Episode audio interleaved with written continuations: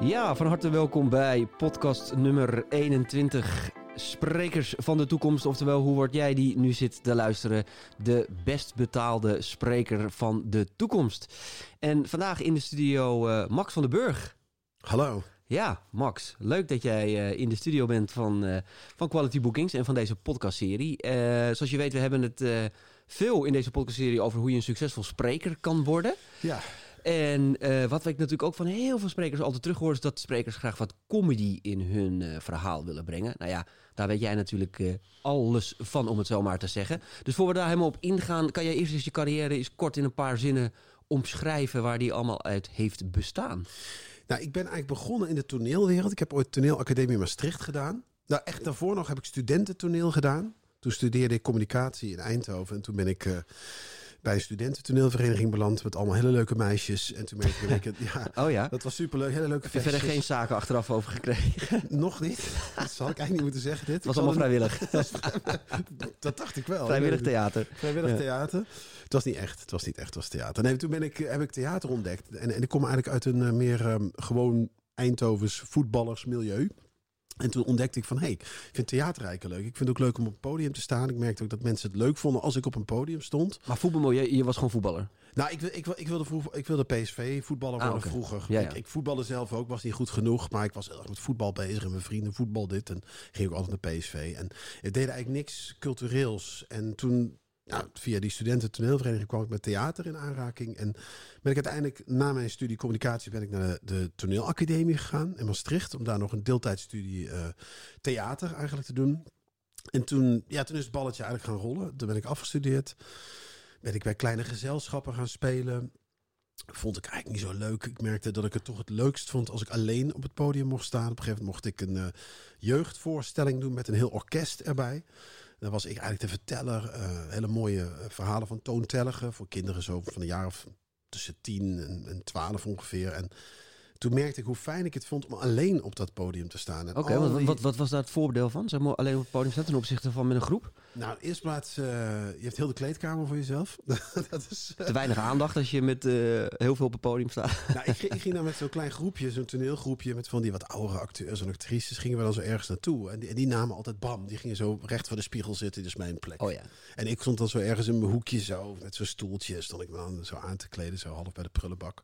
Nee, maar dat was een van de voordelen. Nee, wat ik zo leuk vond is dat, uh, ja, ik ben als speler, als, als podium uh, uh, artiest ben ik heel veelzijdig. Ik vind het leuk om heel veel verschillende types te spelen. Ik kan zingen, ik kan uh, ja, parodieën imiteren, verhalen vertellen. Um, en ja, op het moment dat je dat met podium met anderen deelt, dan is er minder ruimte. Dan zit je in een verhaal, dan zit je in een scène, dan zit je in een dialoog en dan ben je weer af, dan ben je weer op, weet je wel. En toen merkte ik van, nou, ik wil dat podium gewoon helemaal zelf vullen. En toen heb ik die voorstelling heb ik iets van drie of vier jaar gespeeld voor een heleboel kinderen, concertgebouwen gestaan. Um, en hoe oud was je toen? Ik was toen al uh, begin 30. Oh, okay. Toen was ik ben vrij laat met alles begonnen. Ik eerst dat communicatieding gedaan heb.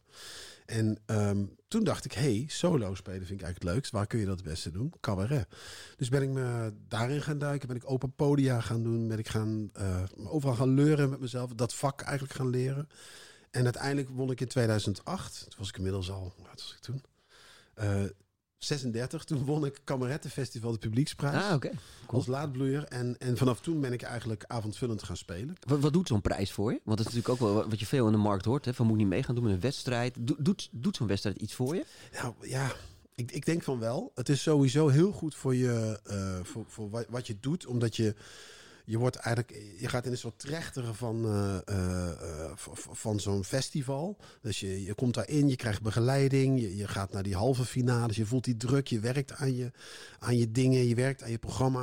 En uiteindelijk speel je die finale, dan is er best wel heb je al stappen gezet. Dus het is voor jezelf al heel goed om het te doen. Je programma wordt daar beter van. Maar mensen zien je. Dus boekers zitten in de zaal. Bij de finale van Kameretten zitten altijd heel veel boekers. Uh, als je het goed doet, krijg je wat publiciteit in de krant of uh, in het wereldje zelf. Gaat jouw naam een beetje rond van hey, hij is het nieuwe talent. Uh, ja, uh, agenten gaan een beetje voor jou vechten, zeg maar. Van, wil je bij mij tekenen, wil je bij die? En uiteindelijk ehm, Ja, dus je hebt, er, je hebt er heel veel aan. Ik zou het iedereen aanraden, als je echt een cabaretier of comedian wil worden, ga dat doen. Maar doe wel eerst van die kleine festivals. Dus je, je hebt veel van die lokale... Maar je moet niet zonder ervaring ineens daar met zo'n Nee. wedstrijd meegenomen, bedoel je? N- Niet, niet met de grote drie, niet met het AKF, Kameretten en het Leids Cabaret Festival moet je dat niet doen. En het Groninger ook niet trouwens. Je moet dat echt alleen doen als je zeker weet, ik heb zo'n goed half uur, ik kan dit gaan winnen. Ja, precies. En niet van, oh ja, ik ga het gewoon eens proberen. Nee, dan, het dan moet geen je, open podium gaan worden, zeg Nee, maar. dan moet je open podia doen en dan moet je ehm, met een klein festival mee gaan doen. Sommige theaters hebben gewoon zo het, eh, ja, weet ik veel, het Deventer Cabaret Festival, weet je wel. ik vind het wel heel goed dat je dit zegt, want dit sluit ook een klein beetje aan op. eh, nou wil ik niet te veel op de zaak ingelopen over de eh, talentenjachten. Maar meer mijn frustratie sowieso naar talentenjachten. eh, buiten de hele schandalen die er plaatsvinden, is ook wel eens dat. eh, ik, het eigenlijk voor een talent helemaal niet zo goed vind om mee te doen met een talentenjacht. Op tv bijvoorbeeld. Omdat je in één keer vanuit het niks. eigenlijk op, op, op het hoogtepunt van je carrière begint. Hè. Het kan vanuit daar vaak alleen nog maar naar beneden dan dat het omhoog kan. En ik vind dat juist de charme van het entertainmentvak is ook hè, eh, een keer in een kroeg komen te staan, een keer in een slechte verlichting komen te staan, een keer in een slechte zaal waar mensen dronken zijn. Om, om het vak echt goed te leren als artiest, moet je denk ik ook wel echt vanaf onderaan eh, langzaam opbouwen. Dat is, dat is wel het beste. Als jij, als jij in één keer. Ik, heb, ik, ik zat bijvoorbeeld. Ik speelde toen de finale van Kameretten. En dat deed ik samen met een jongen. En hij won uiteindelijk de juryprijs. En ik won de publieksprijs. Dus het publiek koos voor mij. Ja. Het de jury koos voor hem. Dat was een hele aardige, aardige gozer. Hij eh, had een heel mooi verhaal over zijn, over zijn broertje. Die eh, het syndroom van Down heeft. En dan had hij een heel mooi verhaal over hoe dat is. En tijdens de halve finale kwam dan ook aan het einde van zijn. eh, van zijn half uur, zeg maar, kwam die broer dan ook op. Oh ja, En die jongen kwam uit Rotterdam en het festival is in Rotterdam. Dus hij had eigenlijk al gewonnen. ja precies. Dan kom ik daar met mijn Brabantse dingen. Won ik toch nog de publieksprijs. Wat een wonder is in Rotterdam. Maar, en hij, hij won en hij kreeg de meeste publiciteit. Ik kreeg weinig publiciteit. Boekers hadden me wel gezien. Hij, hij, hij stond de winnaar van het. Dan ben je namelijk de winnaar. En uiteindelijk hebben we nooit meer iets van hem gehoord. Want hij kon alleen dat ene half uur. Hij had niet die ervaring met wat, je, wat jij zegt in kroegen. Ik was al jaren was ik vanuit de meest verschrikkelijke plekken. Ja. De marge van de marge noemde ik het altijd. Kwam, moest, ik, moest ik ergens, zat ik bij zo'n heel klein klote impresariaatje, moest ik ergens een half in een weiland. Weet je wel, je- dat je op moet in een boerenschuur, zo half Ja. via het weiland. Had ik, had ik al mijn, mijn sporen verdiend. Had ik al een stevige basis. Had ik al dat goede half uur. Terwijl hij had alleen dat half uur, maar verder helemaal niets. Dus daarna gingen we op finalistentournee. En daar zakte hij iedere keer door het ijs, want dat was niet in Rotterdam.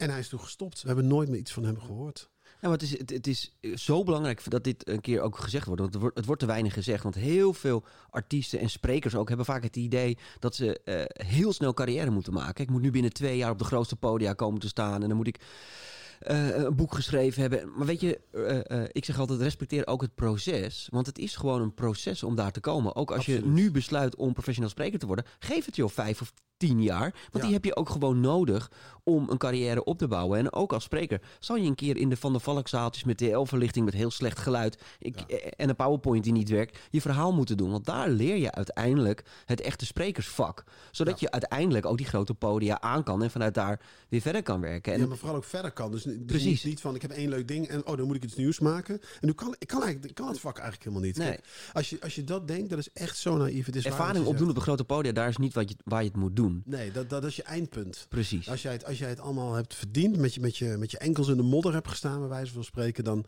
ja, dan, dan verdien jij die grote zaden. En dan, en dan heb jij ook show 4 en 5 en 6 schrijf jij en 7 en 8. Want je hebt gewoon jouw formule, je hebt jouw inhoud, jouw formule gevonden, jouw stijl. En ik denk dat dat bij spreken absoluut hetzelfde is. Ja, 100%. 100%. Hey, en toen verder, want eh, eh, veel mensen kennen jou ook natuurlijk van, van de reclames. Ja, ik ben daarnaast ook gaan acteren. Omdat ik Ja. die toneelschool had gedaan, heb ik altijd wel eh, veel rollen gedaan in series. Meestal bijrollen, af en toe wat hoofdrollen gehad in telefilms. Maar ik ben ook weer niet. Ja, ik ben ook weer niet een, een acteur puur zang. Ik, ik, ehm, ik heb New Kids gedaan, vond ik erg leuk. Duet met Corrie Konings. Nou, dat zijn dan van die opvallende dingetjes. Maar ehm, Want, want ben jij dan een cabaretier? Ben je een comedian? Want kan je ook wat kort vertellen over wat daar een beetje het onderscheid in is? Want je hebt natuurlijk stand-up comedy, je hebt cabaret, je hebt kleinkunst. Nou, ik ben echt een cabaretier. Kijk, Ja. je, je hebt inderdaad comedy, dan ben je comedian. Dan ben je heel goed in eh, het bedenken van grappen, het schrijven van grappen en het spelen van grappen. Het is echt in een comedyclub. In de comedyclubs. En soms kan een comedian eh, zo goed zijn dat hij ook cabaretier is. Een goede voorbeelden daarvan zijn Theo Maassen en eh, Ronald Goedemond. Dat zijn eigenlijk mensen die in hun cabaret eigenlijk alleen maar comedy doen. Ja, ze, zingen niet, eh, ze zingen niet, ze hebben alleen maar verhalen en grapjes. Die trekken eigenlijk het stand-up comedy vanuit de, eh, het comedycafé theater in. theater in. Maar die hebben, die hebben zo'n unieke eh, en goede comedy. Zo scherp, zo diepzinnig en zo fantasievol ook. Dat, dat dat blijft staan op een cabaretpodium. Ja. In het theater. Heel vaak zie ik ook comedians die, ja, die dan wel eens in het theater willen staan. Dus die kom ik dan tegen op een eh, open podium in het theater. En die hebben daar heel veel moeite mee. Die hebben heel veel moeite met die stap van, een keer van zo'n klein comedyclubje. Van de sfeer van bier en, en eh, lachen. En, en in één keer naar een theater waar mensen echt heel serieus naar je kijken. Zo Ik van, heb al wel veel eh, stand-up comedy, eh, comedians gezien die dan ineens theater in gingen en dan ineens cabaret gingen doen. En dat was ook best wel lastig, want je ging er naartoe. Dan dacht je van, ja, in die comedycafés dan lig je een half uur helemaal plat van het lachen. En dan ga je naar theater en ineens komen er allemaal theatrale stukken bij en zo. En dat vond ik als kijker dan best wel lastig. Denken van, oké, dit is wel echt niet waarvoor ik kom, zeg maar. Of Nee, waar ik- ik voor naar het theater ben gegaan. Nou, ik, ik ken ook één eh comedian, ik zal zijn naam niet noemen. Maar die, die, dat is een hele goede comedian. En die dacht, ik ga ook eh, cabaret doen. En die, eh, die, die, die, die maakt altijd bepaalde grappen. Maar nu op het cabaretpodium deed hij mee met een festival. En kwam hij heel serieus op met allemaal soort zwaailichten. Had hij qua licht laten maken. Oh, ja. Je hoorde Mark Rutte, je hoorde Geert Wilders door de microfoon. Je hoorde zo door de luidspreker, je hoorde zo heel serieus. Van, nou, die, gaat die gaat eens eventjes vertellen hoe Nederland in elkaar zit. En toen kwam hij op, was het hallo. En dan was het gewoon weer die comedian, weet je wel. Dus Dus hij had alleen maar een leuk introotje bedacht. had, ja, die dacht, ik ga, ja, ik ga knollen voor citroenen verkopen. Of ja, kijk, comedy is gewoon hartstikke goed. Maar comedy is, ja, het is echt iets anders dan cabaret. Cabaret duurt ook vaak langer. Bij cabaret word je eigenlijk geacht om 90 minuten te spelen. Comedians zijn vaak 30 minuten leuk. Zelfs de allerbeste comedians vind ik vaak 30 minuten leuk. Maar na 30 minuten denk ik dan persoonlijk, en nu even iets anders. Ja. Nu even, eh, doe eens iets... Doe iets theatraals of t- vertel eens een, ga eens in een ander spotje staan. Doe eens een, of doe eens een lied, hè, muziek bijvoorbeeld. Ik gebruik ook heel veel muziek. Dat maakt mij ook wel meer cabaretier. En ik, ik ben niet een keiharde grappenmaker. Ik ben niet zo van... Ik, ik heb heel veel grappen en ik heb heel veel humor. Maar ik probeer wel echt een verhaal te vertellen. Zonder dat ik zeurderig word. Maar ik probeer gewoon wel een theatraal verhaal te vertellen... wat, wat onverwachts is. En ook iets meer in zich heeft dan alleen het lachen. En dat meer kan zijn dat je jou, jouw wereldbeeld vertelt. Of echt over, echt over persoonlijke dingen vertelt waar mensen zich mee kunnen verbinden. Ja, want jij toert ook met, met, met je solo-programma, hè? Ik, ik tour met solo's programma's, ja. En ik speel dan in de kleine zalen, middelgrote zalen. En in Brabant, waar ik vandaan kom, speel ik wel in de, De grote enorme zalen. zalen. In De, enorme, de enorme zalen. boerenschuren Hallen vol. Vol. Dranghekken, noem maar op. Ja. nee, nee, kijk, ik, ik ben niet heel bekend, maar dat komt omdat ik dus denk ik. ehm, eh, ja, ik, ik heb zo mijn eigen publiek. Zo. En, dat, en, en de zaal zit soms, soms zitten er 80 man. En soms zitten er 500 man. En daar zit er tussenin. En soms valt het ook wel eens eronder. En de schieter is wel eens een uitschieter. In, in Eindhoven of in, in, in, in Breda of zo. Dat soort plekken.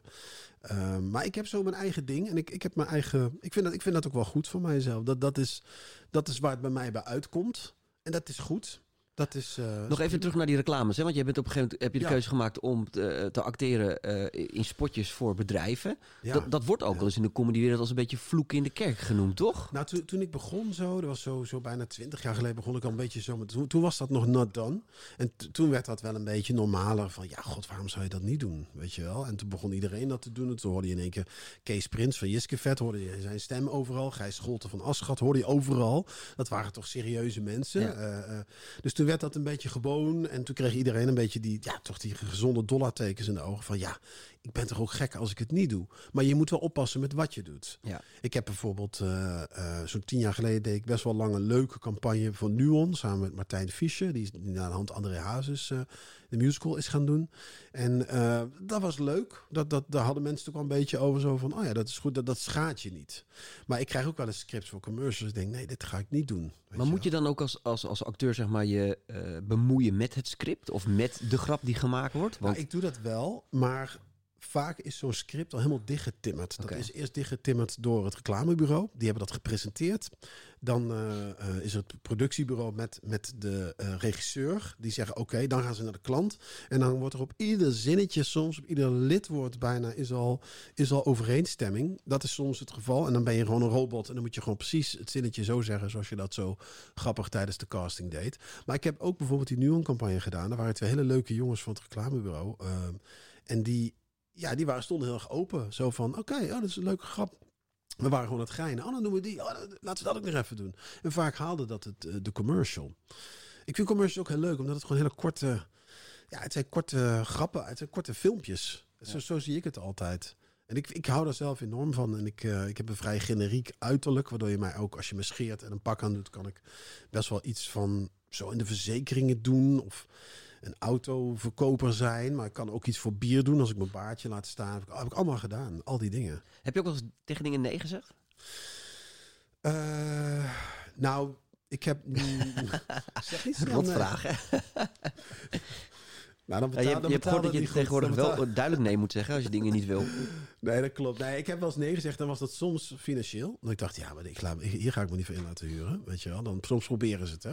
Bedragen zijn enorm gekelderd de afgelopen jaren. Maar nee, ik, ik heb wel eens nee Ja, maar dat is gezegd. natuurlijk wel interessant, hè? want we hebben het natuurlijk ook over het commerciële aspect van het Ja, sprekersvak. want eh, inderdaad, eh, iedereen heeft nog steeds wel het idee dat je in reclames bakken met geld verdient. Dat, dat was 10, 15 jaar geleden misschien wel zo. veel minder. Veel Mm. minder. Ja, ook omdat nu steeds meer mensen er misschien ja op zeggen of zo. Dat klopt. Kijk, ik, bijvoorbeeld een paar jaar geleden had je nog altijd werd je betaald voor het tv-gedeelte. Dat noemen ze dan de buy-out voor tv. En online.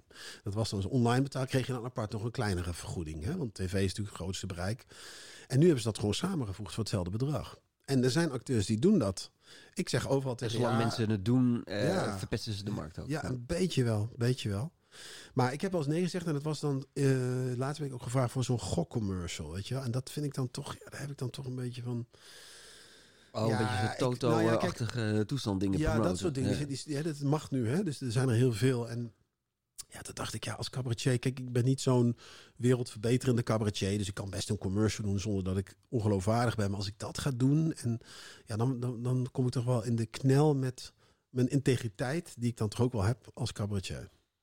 Hey, en dan zijn er ook veel eh, eh, comedians die, eh, die, die, die opereren in de zakelijke markt. Hè? Die, die maatwerkcabaret gaan Ja, verzorgen, ja. die bedrijfsquizzen bedenken, die fake speeches gaan maken. Ehm, hoe, hoe, hoe kijk jij daar tegenaan?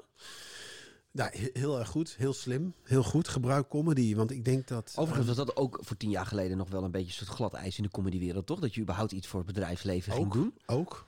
Nou ja, er zijn, ja, ja, ook. En echt absurd als je er nu over nadenkt. Van, wa- ja, degene die dat toen gedaan hebben, die hebben natuurlijk, dat waren spekkopers dan misschien, want die, die waren in ieder geval als eerste in die markt. Maar eh, dat, dat klopt. Ja, kijk, alles, we zijn natuurlijk met z'n allen gewoon wat commerciëler geworden. Hè? En, en, en de- iets meer vrije markt. En nu, Ja. nu is dat heel gewoon. En ik vind het ook heel slim. Want ik denk echt dat, dat eh, comedy, cabaret, verbeelding überhaupt...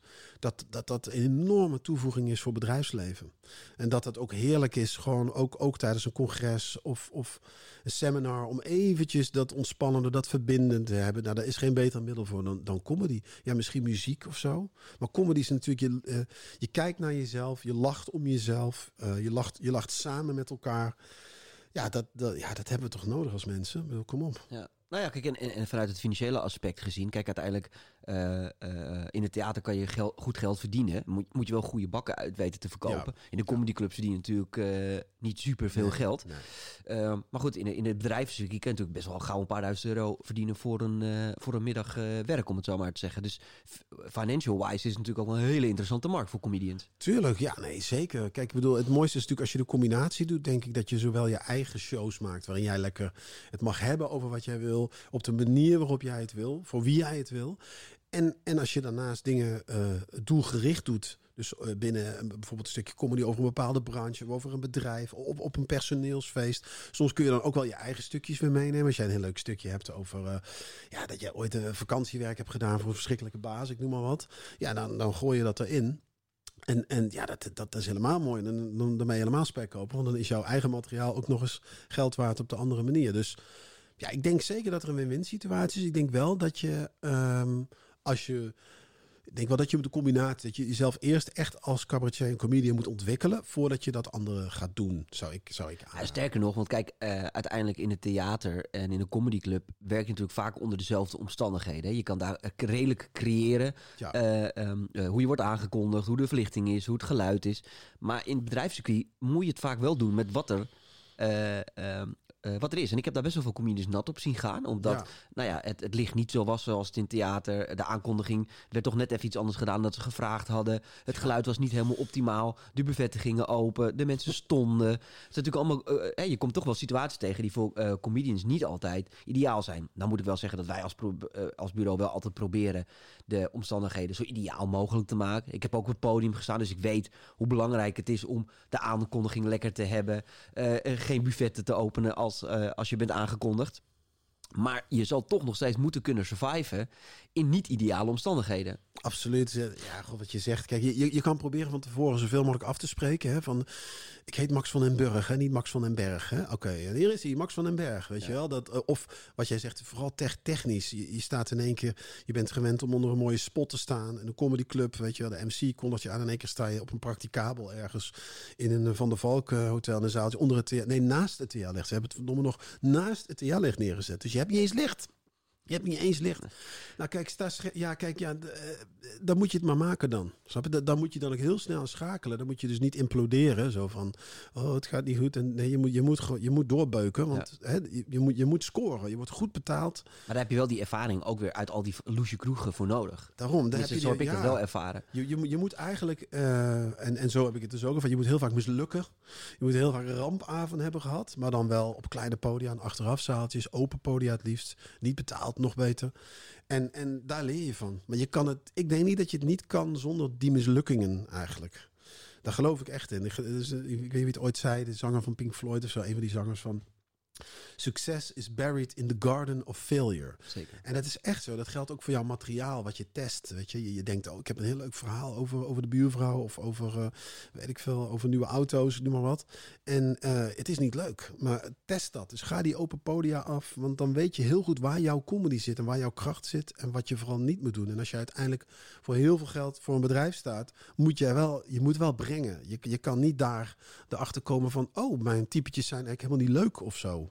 Nee, Nee, 100%. En, dat- en dat is gewoon eh, toch ook voor het bedrijfsleven. Eh, er is gewoon een andere sfeer ook in zo'n zaal. Kijk, zo- zo'n zaal heeft niet gekozen om naar een comedian te kijken. Nee. Dat wordt ze door een bedrijf praktisch opgelegd. Hè. We hebben nu een afsluiting van de dag. En dat is een comedian. Dus die mensen die hebben echt zoiets van, nou ja, laat maar komen dan. Ik bedoel, kijk, als mensen voor jou een kaartje kopen en gaan naar jouw voorstelling toe, dan eh, eh, gaan ze al helemaal zitten. Oh, Max komt zo meteen op van Nou de ze- Volgens mij zei ik ook van de Berg eh, bij de introductie. Excuus daarvoor. maar hoe heet dat? d- dan gaan ze daarvoor. En nu wordt, wordt het je een soort van opgelegd. En gaan mensen ook een beetje vaak in zijn houden zitten. Van, nou, kom maar op dan. Laat me maar eens lachen dan. Helemaal. Kijk, soms bijvoorbeeld, al kennen ze jou niet, hebben ze je poster gezien. Ze, ze denken, oh ja, dat is, wel, dat is wel mijn stijl, die poster, weet je wel. Ze hebben, ze hebben misschien op YouTube een filmpje gezien. Mensen kiezen, en, en nu kom je ergens waar niet eens de mensen voor jou hebben gekozen, maar de sfeer is er ook niet naar. Dus je zal, je zal op zo'n moment ook, eh, in het geval van comedy of cabaret, als je echt grappig gaat doen, zul je eigenlijk een soort shift in hun hoofd teweeg moeten brengen. Je, jij zal moeten MC'en voor jezelf. Je zal ze even moeten losweken. eh, je zal even die sfeer desnoods. Ja, dat is dan zo'n bekende truc van eh, ik ga mezelf nog een keer aankondigen. En dan, of hoe klinkt een applaus eh, als jullie het fantastisch vinden. Maar goed, je, zal dat, dat warme bedje wat jij nodig hebt om te starten alleen al met je optreden, zul je dan ook zelf moeten creëren. Dus je moet, je moet mentaal ook sterk zijn en niet in één keer denken, achteraf zeggen, ja, het mislukte totaal, maar dat kwam omdat, ja, de sfeer, ja, de atmosfeer was er niet. Ja, nee, dan, dan, dan, jij bent manetje van alles. Je bent en je MC en je bent, eh, whatever, no, whatever it takes. Die mentaliteit moet je echt wel hebben. En dat kun je alleen maar ook hebben als je die ervaring hebt door in die vervelende club soms met dronken mensen te hebben gestaan. Of op een open podium met hele arrogante uh, grachtengordel mensen. Daar moet je het kunnen. Je moet het overal eigenlijk kunnen. Wil je zoveel zekerheid hebben om het uh, op, op dat soort goed betaalde moeilijke plekken, want het zijn vaak moeilijke plekken waar je speelt, om het daar ook te kunnen. Plus dan doe je ook nog eens een keer vaak materiaal dat over een specifiek onderwerp gaat, wat niet je vaste materiaal is, wat je niet al al honderd keer hebt getry-out. Dan ga er maar staan. Ja. Maar ja, als je, als, je, als je dat wil, moet je dat wel allemaal kunnen. Ja. Maar om ook, ook een lans te breken voor veel comedians en veel uh, uh, sprekers. Wat heel erg belangrijk is en wat heel veel mensen vergeten, is ook wel probeer op locatie ook wel zoveel mogelijk uh, je podium te stagen. Ja. Dus, uh, dus schaam je ook niet om gewoon te zeggen van joh, uh, dit moet geregeld zijn, dat moet geregeld zijn. je moet me niet aankondigen als dit, je moet me niet aankondigen als dat. Dat je probeert wel zoveel mogelijk te regisseren, want elk dingetje wat je zelf hebt kunnen tweaken, gaat uiteindelijk wel helpen om jezelf comfortabel op zo'n podium te laten staan. Ja, da- daar sta je al met 1-0 voor. Of 2-0 of 3-0. Of staat met Precies. 5-0 achter. Ja. Dus, dus wil jij een bepaalde tekst, schrijf hem uit. Eh, eh, zorg dat die presentator hem eh, kort... Precies. en da- geef hem op een kaartje aan, een bewijs van Ja. spreken. Weet je Nou wel? ja, en we- wees daardoor altijd op tijd. Ga kijken wat de situatie is. Overleg even met zijn opdrachtgever. Wat wordt de situatie? Want het gebeurt gewoon vaak dat ze comedy, comedy dan toch een beetje zien als een soort extraatje. En, en dat ze dan toch de mensen al gaan lopen. En, Ja. Of dat, wat ook heel vaak gebeurt. Nou, dit is het einde van, de, van het congres. Nou, dan staat de helft van de zaal al op. Ja, ja. Eh, maar we hebben nog wel iets leuks. Ja. Nou, dat wordt even lachen eh, een half uur. Ja, je, je, je moet eigenlijk manipulatief zijn. Je moet, je moet daar al rondlopen. Je moet, je moet tegen die technicus zeggen... Hey, klopt dat die lamp helemaal niet echt goed staat? En ik, ik, ik ga dan zelf de, de ladder op als het moet... om die lamp op mij te Precies, zetten. Want precies. ik heb een aantal dingen nodig. Goed geluid. Ik heb goed licht nodig. Ik heb de ruimte nodig. En goede presentatie. Nou, die, als ik die dingen kan manipuleren... door het soms te vragen of soms een beetje te zeuren... tegen de grenzen van het betamelijke aan... dan doe ik dat wel. Want ik wil het liefst met 3-0 beginnen... in plaats op 0-0 of op min, min 0 of 0-1. Nou ja, kijk, en het is heel simpel. Kijk, uiteindelijk eh, hebben we al benoemd, er wordt veel geld voor betaald. En om te kunnen deliveren, hè, mag je best wel de situatie ook naar je hand zetten. Je moet. Je, En, je en, moet. en, en ik merk dat heel veel sprekers daar ook toch soms dan te nederig in zijn of zo. Of soms te lui of misschien te arrogant, geen idee. Noem ze allemaal maar op. Ehm, maar je mag best wel op situatie dingen claimen. Je moet geen arrogante, vervelende Nee, artiest worden. nee, nee. Maar gewoon zeggen van jongens, ik kom het beste tot z'n recht. Als jullie me eerst aankondigen eh, eh, eh, voor de borrel of na de borrel. Nou ja, whatever. Of dat het licht goed staat. Of dat er even een muziekje gespeeld wordt. Of dat je even vraagt om een applaus als ik opkom. Whatever. Ehm, ehm, maar je moet dat naar je hand durven te eh, zetten. Want ja, dat, dat, dat, dat helpt je enorm. Ja, je, je, je moet eigenlijk zorgen dat die shift goed is. Dus jij komt, zeker als comedian, kijk ook als spreker. Hè, een bepaalde spreker heeft misschien een bepaalde atmosfeer nodig. Een bepaalde, ja, ligt ook aan wat er voor jou zit. Zat er voor jou een hele lange, eh, hele saaie spreker? Of zat er een heel lang inhoudelijk iets? Of een interview? Of zijn, je merkt aan de zaal van mensen zijn ingekakt.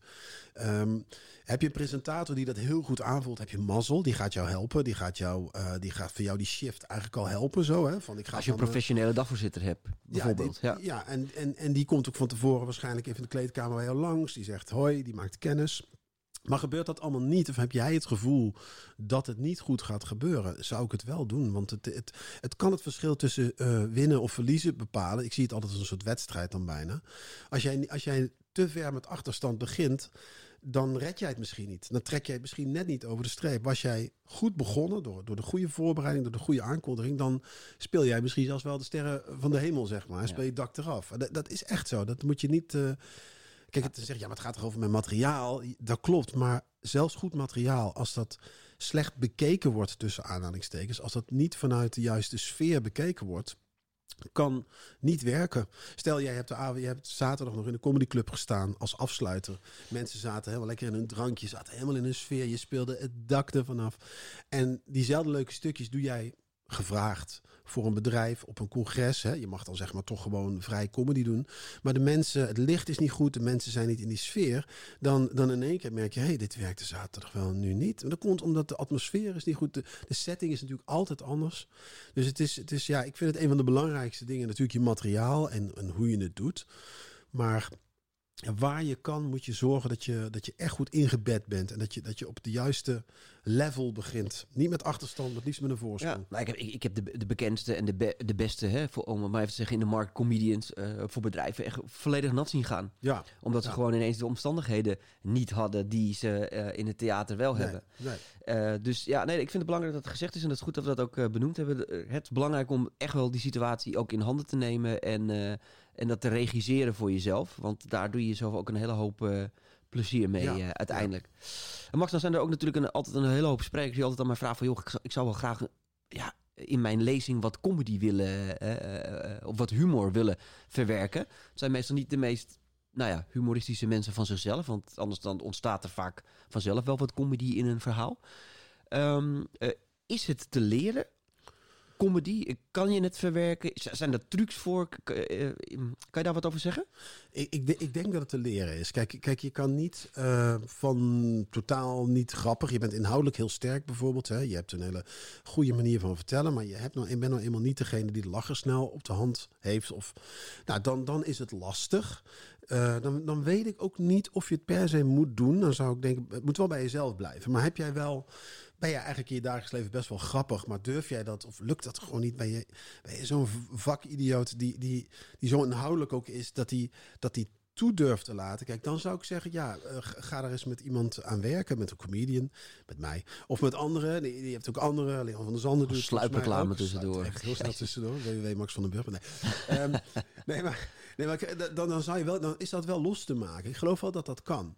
En dat kan ook, uh, dat, dat, dat kun je als persoon doen uh, door met iemand te gaan werken, regisseur misschien eventjes, van, die, die naar jou kijkt en zegt, weet je, van uh, ontspan nou eens. Of, of, of god, je, je, vertelde me net toen we koffie zaten te drinken, superleuke anekdote. Waarom doe je die niet erin, weet je wel? Maar hier zeg je tussendoor alweer een heel belangrijk punt, want dat vergeet ook heel veel sprekers, is de meeste artiesten, comedians, acteurs zijn gewend om met een regisseur te werken. Uh, uh, om met mensen te werken die naar hun show kijken. De meeste sprekers zitten uh, alleen achter hun laptop hun verhaal te bedenken. En laten er nooit eens een keer een professional naar kijken. Om het iets theatraler te maken. Om het iets, nou ja, om er een stukje humor in te brengen. Want uiteindelijk is het wel heel belangrijk. Kijk naar de meest succesvolle sprekers in Nederland. Zijn toch wel vaak sprekers die het wel met humor brengen. Ik noem een Remco Klaas, ik noem een Jos Burgers. Ik noem een Jan van Zetten. Die veel geboekt worden omdat het en ze brengen inhoud, maar wel op een toegankelijke komische manier. En dat werkt heel erg goed, ook in het bedrijfsleven. Maar dan moet je er wel ook uh, eens een keer externe mensen naar durven te laten kijken. Nee, dat. Ik denk dat humor ontzettend belangrijk is. Als je dat erbij hebt, dan heb je toch alles. Als jij een heel goed inhoudelijk verhaal hebt, wat inspirerend is, en je hebt humor, nou dan, dan ben je spek kopen. Omdat het dan blijft kleven ook. Ja, want als jij ja. iets, iets, iets, iets droog vertelt, dan kan het net zo waar zijn. Maar als je het op een grappige manier vertelt, blijft het vaak veel langer hangen. Ja, maar ook, ook omdat we, uh, als we informatie verwerken, dan even een lach, even een grap, uh, haalt even die spanning eraf. Geeft ons even weer adem, letterlijk. Haha, we lachen. En oké, we zijn weer klaar voor weer uh, wat, wat, wat, wat informatie eigenlijk. Hè? Of, of een verhaal.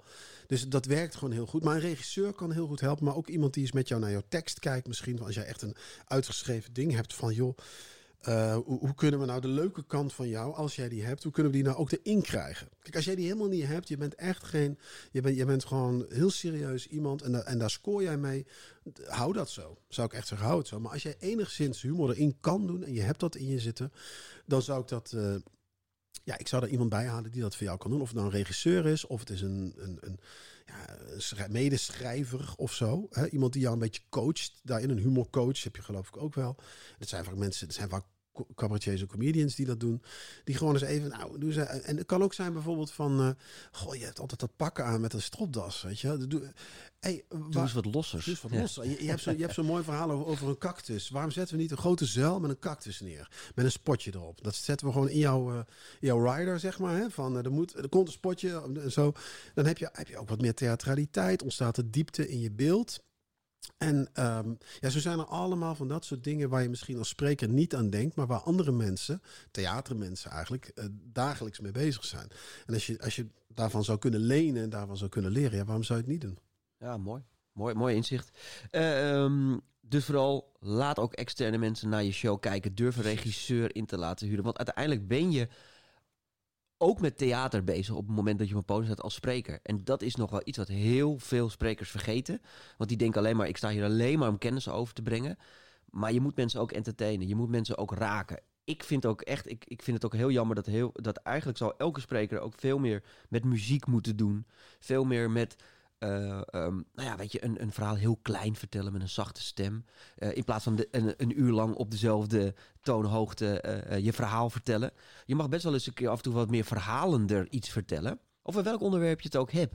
Weet je, ik bedoel, al de futuristen en niet over de toekomst hebben. Ja, dat is natuurlijk heel mooi om ook eens een keer wat theatraler te maken. Ja, al, ga je maar bij wijze van spreken, als het in een theatersetting zou zijn en er is een spotje, uh, ga daar eens in staan en doe, doe net een persoonlijk verhaal daar in dat spotje en zet daar een muziekje op de achtergrond onder. Je weet niet wat er gebeurt, je weet niet wat het doet met jouw presentatie. Het, het geeft de diepte, het geeft rond een laag bij. Daar kun je mee gaan spelen, je kan het nog een keer doen of je kan het op een andere manier doen en dat houdt de kijker vast. Wat het, wat het eerder over het verschil tussen een comedian bijvoorbeeld en cabaretier is ook dat een comedian staat met een microfoon in zijn hand, staat meestal op de plek en praat. En dat is na een half uur saai. Of die nou, als hij nou, is hij nog zo goed? Het is saai. Dus je, dan zie je bijvoorbeeld aan de comedians die wel ook cabaret doen. Ronald Goedemond loopt rond, heeft decor. Theo Maassen heeft zijn microfoon weg, heeft een headsetje op, zodat hij zijn handen wrijft, zodat hij kan gesticuleren, zodat hij, dat vult het nog meer. Moet je voorstellen dat je ook nog muziek erbij zou doen. Dat doen deze twee heren nog niet eens, Goedemond en uh, Maassen. Stel dat je ook nog muziek erbij doet, een leuk opkom, opkomstmuziekje of in één keer ga je van je, ja, waar, waar sta je op het podium? Uh, bij het scherm van de bierman, ik noem maar wat. In één keer loop je naar voren, het bierman gaat uit of er komt iets heel anders. Ja, er zijn legio mogelijkheden die je hebt om jouw presentatie, hè, jouw, jouw spreekbeurt, om het zo maar even te zeggen, om die, om die allerlei extra lagen te geven, waardoor het alleen maar, los van de inhoud, nog leuker, interessanter en beter wordt om naar jou te kijken en te luisteren. Want dat is ook een kijkervaring ja. natuurlijk. Nou ja, en durf te innoveren. Want kijk, eigenlijk in de sprekerswereld verandert er niet zo heel veel. Je merkt in de theaterwereld zijn ze veel bezig met uh, en in de muziekwereld blijven optredens van artiesten steeds evolueren. Hè. Er, wordt, er wordt wat met lasers gedaan, er wordt een keer wat met, met uh, tv-schermen gedaan, met, met LED-schermen gedaan. Er wordt, maar, maar sprekers blijven nog een soort van plain. Oké, ik heb mijn PowerPoint en ik heb mijn microfoon en that's it. Ja. Maar er zijn zoveel leuke dingen te bedenken. Ik bedoel, ik, ik weet, dat, weet dat bijvoorbeeld sommige bands die doen op de achtergrond. Um, hè, als je een kofferband hebt, die, die, die zingen dan koffers. En dan zie je de, de, de videoclips op de achtergrond meedraaien. Ja, Waarom ja. zijn er geen sprekers of weinig sprekers die een soort van videocontent op de achtergrond laten meedraaien? Die hun verhaal bijvoorbeeld ondersteunen. Om er veel meer een soort 4D uh, uh, presentatie van te maken dan alleen maar plain uh, je verhaal over te brengen. Ja, ik, denk, ik denk dat, je, dat dat kan. En misschien gaat dat in de toekomst gaat dat ook meer gevraagd worden. Hè, omdat er dan meer uh, dat dat weer nieuw wordt. Alleen moet je dat misschien outsourcen. Moet je gewoon zeggen, ik, dat, dat, dat moet je in je zitten om dat zelf ja. te doen. En waarom zou je dat ook per se zelf doen? Je kan ook gewoon zeggen, nou ja, ik, kun je voor mij een prachtige, uh, bijna als een VJ. Hè? En uh, kun je mooie, rustige dingen op de achtergrond laten zien uh, in beeld. Zonder dat het mijn, mijn presentatie stoort, maar juist helpt. Omdat het een soort mooi theatraal beeld geeft. Als jij bijvoorbeeld jij praat over, uh, ik noem maar wat. Uh, ja, stel we hebben het over CO2 en je hebt op de achtergrond prachtig.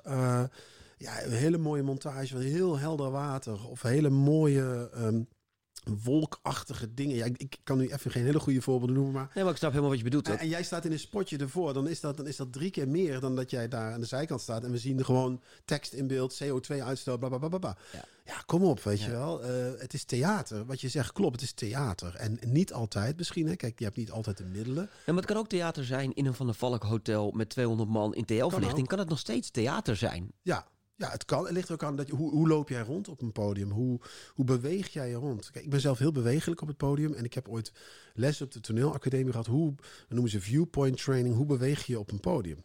Ja, in plaats van de hele tijd heen en weer lopen. Van links weer, naar maar rechts. hoe, hoe pak jij de ruimte? Hoe vind jij de ruimte? Zonder dat het van tevoren afgesproken is. Hè? Want nu loop ik op die zin loop ik daar naartoe. En dan loop ik op die zin daar naartoe. Want dat, dat werkt niet. Maar hoe, hoe word je daar vrij in, in je lijf eigenlijk? Hoe ga je presenteren met je lichaam eigenlijk ook? Dus hoe, hoe kom je uit dat hoofd en uit je mond? Want dat gebruik je natuurlijk en je handen. Maar hoe, hoe word je helemaal één met wat je doet? Ja, dat, als dat lukt en, daar kun je gewoon les in krijgen. Uh, dan, dan geeft dat jou enorme extra. Dan is het heel, nog fijner om naar jou te kijken en te luisteren. Mooi, mooi, mooi, mooi. Uh, Max, we zijn inmiddels alweer 40 minuten aan het uh, kletsen met elkaar. Uh, de coronatijd hebben we natuurlijk gehad. En dat heeft natuurlijk ook de sprekers weer behoorlijk op zijn, uh, op zijn gat gegooid. Uh, ook, voor comedians. Hoe, hoe ben, jij om, ben jij omgegaan met die tijd en, en, en hoe heb je je daarop aangepast?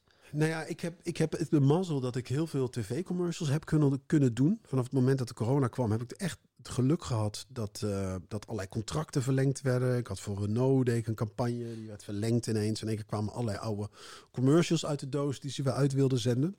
Dus daar heb ik het een beetje door overleefd. Want mijn theatertour werd gecanceld. Um, ik, wat ik verder heb gedaan is dat ik een, uh, een online show uh, ben gaan maken. De Max Online Show. Wat eigenlijk een cabaret show op maat is. Weet ja. we die, uh, die reclame momentje pakken. Max Online Show. Een fantastische show is voor... Nee, wat een satirische show is eigenlijk voor, voor bedrijven op maat. Maar online. Ik ben me echt gaan verdiepen in hoe stream je dat nou? Hoe, hoe neem je dat nou op? Maar dat vind ik dus heel leuk, want je bent dus een van de weinige sprekers. Nou, ja, nou, weinig kan ik inmiddels wel zeggen. Die, die, die zich echt weer eens gaan verdiepen in dan de nieuwe manier van het eh, eh, eh, tonen van je, van je kunst, om het zo maar even, even plat te slaan. Ja, nou ja, ja, ik wilde gewoon iets doen. En ik hou heel erg van camera's en techniek. Audiovisuele techniek vind ik heel leuk. Ik kan ook zelf editen en ook opnemen goed. Dus ik dacht, ik wil, ja, dan ga ik dat maar doen dan. Weet je, ook maar, want op een gegeven moment dachten we allemaal van, nou, we zijn eruit. Vorig jaar, hè, zeg maar na de zomer, afgelopen zomer, dachten we van, we zijn eruit. En toen gingen we toch weer in een lockdown. Dus ja, ik zou slim zijn en, en, en ja, ga daar, duik daar nou ook eens in. Weet je wel, de dingen die jij op een podium kan, daar kun je vast ook wel iets mee ehm, achter een, voor, een camera. En niet zozeer voor zo'n laptop gaan zitten, inderdaad, met een behangertje op de achtergrond. Ehm, onder tegen de neusgaten kijkend uh, gefilmd.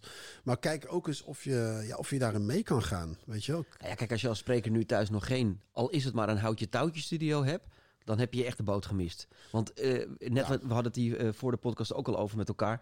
Uiteindelijk blijft het online gedeelte gaat blijven. In wat voor vorm dan ook. Want heel veel bedrijven hebben ontdekt dat online werkt best wel goed. En uh, we merken dat met Zoom-meetings. Je, je, rijdt nu toch even iets minder snel naar Rotterdam. Als je in uh, Almere uh, kantoor hebt. Want je denkt, ik kan het ook even in een snel in een Zoom-meeting in een kwartier uh, er doorheen rammen. Um, maar de bedrijven hebben dat ook met online events uh, ontwikkeld uh, of ontdekt. Dus die, dat zal blijven. Dus je zal ja. daarin mee moeten bewegen. Maar ik merk nog steeds heel veel sprekers die gewoon zoiets hebben. Dit waait wel weer over. Ik, ik, ik zit mijn tijd wel uit. Ik denk dat dat echt een gemiste kans is. Ik denk het ook. Kijk, het moet je wel een beetje liggen. Als het jou echt niet ligt, je bent misschien ook al iets ouder, je vindt dat lastig, de techniek en dat soort dingen, dan, dan moet je niet doen. Maar ja, je kan tegenwoordig... Ja, dan kan je toch ook gewoon iemand even laten komen om zo'n studiootje in elkaar te bouwen? Nou, dat kan. Dat, dat klopt. De apparatuur, voor, voor, voor, het geld hoef je niet meer te laten tegenwoordig. Ja, het, kijk, het is wonderbaarlijk de tijd waarin we leven. Hè? Met, met, met een, met een, ik heb thuis dan een Mac staan, een grote Mac. Wat je daarmee kan, dat is een opnamestudio. Dat is een tv-studio, kan ik daarmee. Hè? Als je de ruimte hebt, met greenscreen kun je heel veel doen. Dus we leven echt in een tijd met eindeloos veel mogelijkheden. En ja, het, zou zonde zijn als je er geen gebruik van maakt. 100% waar. 100% waar. hey Max, wat kunnen we nog de aankomende tijd van uh, jou verwachten? Nou, ik ga weer het theater in. Het mag volgens mij weer. Uh, de, deze week wordt dat aangekondigd. Oh, dus je gaat ga... echt weer de. Deze week al misschien weer de theater in. Ik ga vrijdag staat weer een try-out van mijn show, uh, nieuwe show Cultureel Erfgoed gepland. En verder uh, probeer ik uh, veel online te doen, veel spreekdingen. En ja, dus, dus zoek me even op, dan zie je wat ik allemaal doe. Ik zat aan de achterkant een heel leuk muziekje te doen, maar die was korter dan ik dacht. Shit, ik dacht, ik heb nog wel even. Jammer is dat, hij weg. Ja. Laten zie je maar. Dat Vallen we zo eruit. Ja, ik dacht ineens, ik, ik, hoor, ik zag dat later iemand doen. En ik, oh, dat is leuk. Doe ik zo'n muziekje zo langzaam, zo introduceren. Ik, dacht, ik heb wel even, maar het is super kort, man. Het kwam echt leuk, maar ineens boem was hij weg. Wat kunnen we verwachten? Veel, moet je dan ja. zeggen, op zo'n kort muziekje. Ja, precies. Jammer. Maar nou, ik ga gewoon nu um, alsnog afsluiten, de podcast. En dan ga ik het muziekje gewoon nog een keer doen. Want ik vind het wel leuk om met een muziekje af te sluiten. Dat zeg ik helemaal niks. Ik vind een podcast afsluiten zonder muziek... Nee, dat kan niet. Dat moet een beetje aan theater, hè? een beetje aankleden. Ja, anders is het een beetje zoals cabaret zonder applaus. Dat, ja, dat werkt niet. Dat nee. werkt. Daar doen we het niet voor. Hey Max, hartstikke bedankt. Yo, was leuk. Jullie allemaal bedankt voor het luisteren weer naar deze podcast nummer 21. Volgende week uh, hebben we uiteraard weer een nieuwe podcast. En dan uh, neemt uh, ja, een bekend gezicht uit de podcastserie Niels Houtenpen weer plaats in de studio om weer vele nieuwe inzichten over het sprekersvak te delen. Bedankt voor het luisteren.